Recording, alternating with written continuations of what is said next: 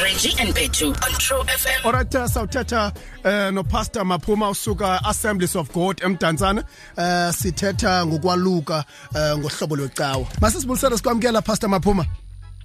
Eh manithathe ithuba ke msasazi ngibulise kuwe bulise nakubaphulaphuli bethu FM Mm um ungakusichazele ngokubaleka kokwaluka through icawa? Alright msasazi manibulele ke. Em ngumcimbi ongekho lula okokuqala lo esi esi esithetha ngawo. Eh kodwa ke ngizawubeka nje ke indawana ndigxininise ke kwelicala lokwaluka ngokwendlela yenkonzo okanye ke masithi ngokwendlela yeBhayibhile.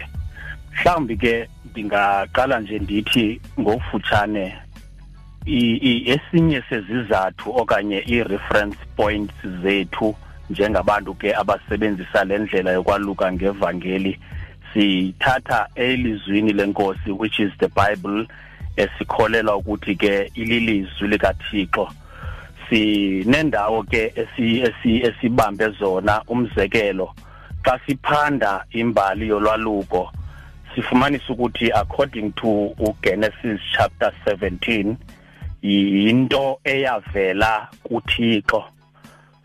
Ndithanda kuba siyiqaphele lo ndawo lisiko elavela kuThixo ngokwendlela ke esikholelwa ngayo. Eh uthetha noAbraham Abraham seyindoda sengumuntu omdala. Zikhona izinto ezimbalwa nje emsasazi andifuna uba ndilichithe kakhulu ixesha endifuna siziqaphele ezisensitive kakhulu xa sithetha ngendaba ye-circumcision because i-circumcision according to the bible it is a sign of i-covenant luphawu lomnqophiso. Before kube khona le sign ye-circumcision esiyibonayo e-visible kukhona into eqala yenzeke qala eyi-covenant engumnqophiso phakathi komuntu nothixo. Uba uyayifunda ukuqala kwayo ngoba ke le ndawo endifunda endirefera kuyo it is the only place as far as i know apho kurekhodwe khona i-incident yokuqala yolwaluko emhlabeni jikelele. And bear in mind ukuthi xa sithetha ngo-abraham sithetha ngomuntu ekuthiwa nguyise wamakholwa. So bekufanele ke kokwami ucinga uba abantu abathi bangamakholwa balandela le pattern uThixo ayinika uAbraham onguyise wamakholwa. But before uThixo amnike uAbraham le sign yolwaluko zikhona izinto eziqale zenzeka uqala the first one iBhayibhile lithi ku chapter 17 from verse 1 uYehova wabonakala kuAbraham. In other words before you even think about uh, undergoing this process ye circumcision uThixo bekufanele uba abe kanti uyabonakala emntwini. Data status one standard sikaThixo. Okwesibini wabonakala uThixo wathetha uThixo noAbraham. Okwesithathu wabe sezi-introducer. Okwesine wamnika umyolelo othi uba uthe wawugcina lo myolelo lo mnqophiso endisiyiqaphele ke baphulaphula ukuthi ngokweBhayibhile ithi lo mnqophiso uphakathi kukaThixo noAbraham okanye singathi ke lo mnqophiso uphakathi koThixo nomuntu but ke kwenzekile ngandlela ithile ba isuswe ezandleni zikaThixo ibe sezandleni zabantu. And i want to to to to to, to highlight ukuthi as far as i know zininzi inhlanga ezithi ulwaluko lolwazo. Kodwa ke mina ndithetha ke ndihleli ke kwelicala loba thina sisebenzisa ulwaluko esikholelwa uba yinto evela enhlizweni kaThixo. Zezinto ke ndizibalileyo ke msasazi kuqala ngoba le sign ekhutshwa ngaphandle nguThixo kuAbraham le kuthiwa yolwaluko yenzeka xa umuntu ebheke esuthwini ichaza into eyenzeke ngaphakathi enhlizweni yomuntu. Remember ndithe kanqala uThixo waqale wazityhila wenza into enhlizweni kaAbraham. Now uthi ke ngoku lento eyenzeke enhlizweni yakho ndifuna uyibonakalalisa ngaphandle ngoba isign lena ye circumcision ibithetha ukuthi ndinobudlelwane kunye nawe. Ude uthixo pha ku verse 3 of verse 2 wathi lo mnqophiso wawunika igaranti wathi as long as ubambile imithetho yami wayenza ngalendlela endithi yenza ngayo i guarantee you protection you will be protected. And and ke mhlambi ke msasazi ndingalazi kakuhle nexesha lethu balizabala ngakanani. Yeah, ndi- ndi- Mm. di di di di di di dingatsho ke msasazi ndithi eh ngokwe ngokwe statistics noba si random singekho scientific endisaziyo as far as i know otata endibaconsultileyo abadala abeluke ngevangeli abanemizi yabo abasuccessful namhlanje abayikhumbuli i-incident yomuntu owangena ngevangeli waze akabuya waphelela ehlathini. Ndizama andithi ke kutheni msasazi kodwa ke ndicinga uba ndithetha only kweli cala ondicela ukuthi mandibeke kulo. Mhlawumbi ke xa uphinda undinika ke elinye ixesha ndakuzitsho ke izinto ezifana ne-important things siziconsiderishe benzawuyapho kanye pastor maphume into yoba kuba undibethe emlonyeni kanye ngoba benzawubuza into yoba mhlawumbi ii-cases ngokwe ngokwestudy zenu nangokowujonga kwenu um but ke sowuphendulile um lo mbuzo. But I, think ezinye zezinto ezibalulekileyo endingathanda uzazi um pastor maphuma into yoba um siyabona um izolo besithetha ngawo lo mcimbi as well um no no ne-representative esuka kwi eh, kwi- kwi- kumzi wenkosi nekumkani apha Yeah, ephondweni yeah, um yes, i- i- i- lamakhwenkwe xa buya ehlathini adla ngobuya. Izimilo zitwezekile uninzi lwazo.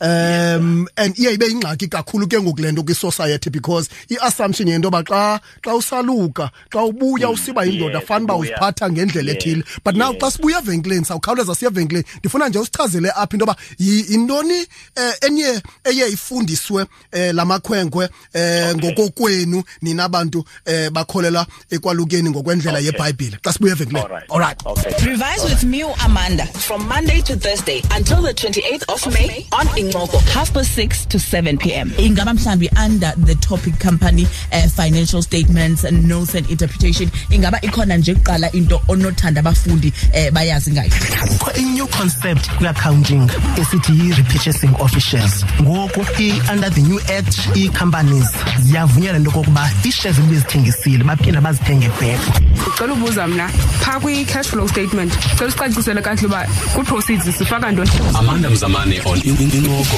on True FM. It's FM ekuphathela kumnandi Peak Gig Guide every week.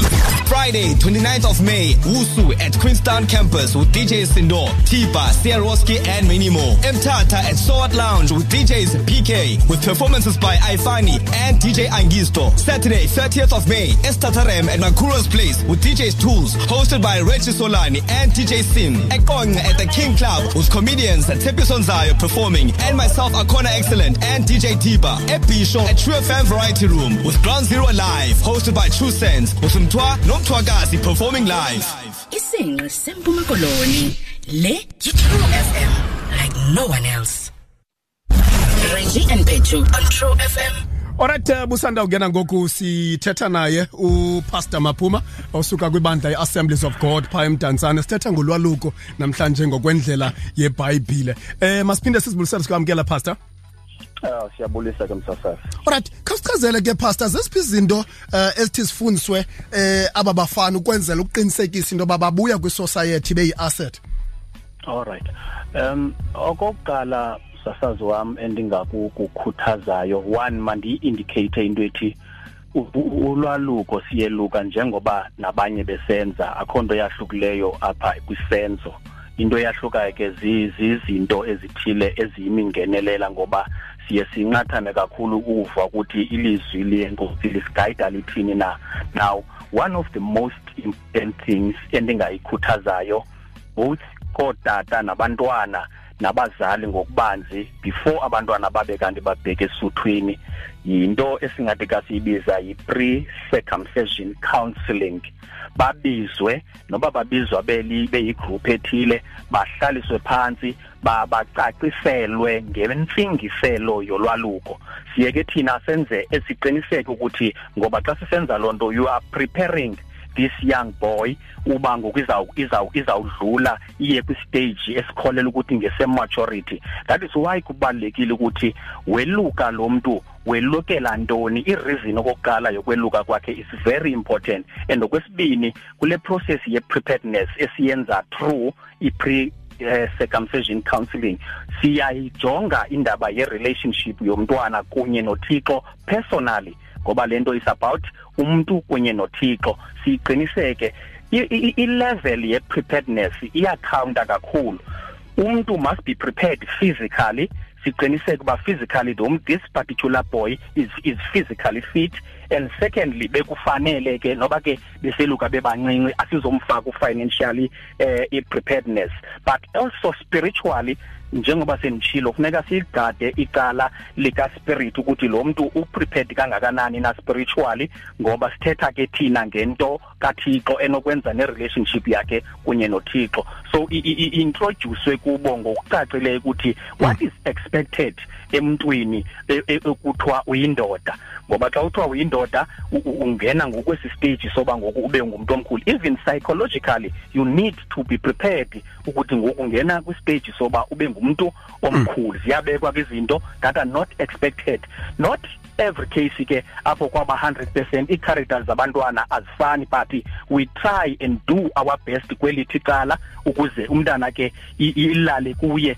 Amaxesha amaninzi ke msasazi ngayifeyila kuthi bazali xa singazokwazi uyicacisa kakuhle ukuthi le nto yokuya esuthwini intsingiselo yayo kanti ithetha uthini? Ingaresulta ke msasazi wam sendiyeka loo nto xa singayiphosayo njengabazali neenkokheli zeenkonzo mhlawumbi nasekuhlaleni. Kwesi simo esisibonayo namhlanje soba namhlanje abantu babheke esuthwini kwenzeka izinto kwapha esuthwini kuya amapolisa esuthwini. Siphinde xa bebuya esuthwini ubone uba ubhetele ngelaa xesha ebengekayi lo mntu esuthwini kuneli xesha ayileyo ngalo esuthwini. Ngamanye amazwi msasazi xa ndiyisamarayiza mabavulwe ingqondo abantwana kuqinisekwe ukuthi lo mntana uyayi-understand uba le nto yinto kathixo ayiphathwa noba kukanjani na ngoba side sithi xa sibachazela briefly izinto ezininzi ezenzekayo. Abanye bayagula banezifo ezesulela kwicala lesondo but uthixo wayenza deliberately uyibeka isign kwindawo ayibeka kuyo so that iintlonti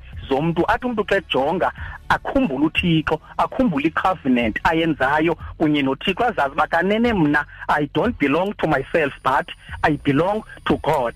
Right. so yeyona zinto ke ezizezinye zezinto esizama ngazo zonke indlela ibe kuye ke ichoice umntana ngoba umuntu nomuntu ifreedom ye-choice unayo umuntu azikhethele kumuntu uba makathini. Kodwa silenzile elithi elithi icala. Siyaba siyabenza ke njengoba senditshilo le le process ye-counseling is very very important. Ngoba ngokuchallenge esinayo emsasazi leyoba bathi bethe esuthwini kuye kwabanye ekuthiwa nabo bangamadoda bokwenza umonakalo ebantwaneni bethu. So ibalulekile into bavulwe kangako inkosi umsasazi. Alright pastor just nje ukuvala in, in one minute ndiyafuna uyivelela le part because sithetha nabantu abatsha uh, ngomcimbi we-intolerance as well. Nje amazwi akho ovala nozama ubopha because kukhona unganyamezelani phakathi komfana oluke ngondlela yenkonzo nomfana oluke ngokwakwantu. Nje oko amazwi akho uzama ukubopha ukwenzela into yoba kukwazi sihlale sihlale sinyamezelane ngokwenkolo lesikhethe koluka ngayo. Enkosi msasazi wam ndiyathanda uthetha nabantu abatsha ngakumbi ababa kwi-period yoba ngoku bezawubheka esuthwini ndibakhumbuze ndibazise ukuthi ngoba singabantu nje umuntu unelungelo lokukholelwa kuloo nto akholelwa kuyo. Ndicinga uba yeyona nto ebalulekileyo apha yeyoba umntu uyile esuthwini. It's not in, ukuthi emveni koba eyile esuthwini kwenziwe ntoni okanye phambi koba aye esuthwini. Zikhona ke zonto ntetha zinjalo abeluke ngebhayibhile nabeluke ngotywala those things does not necessarily matter in this particular case.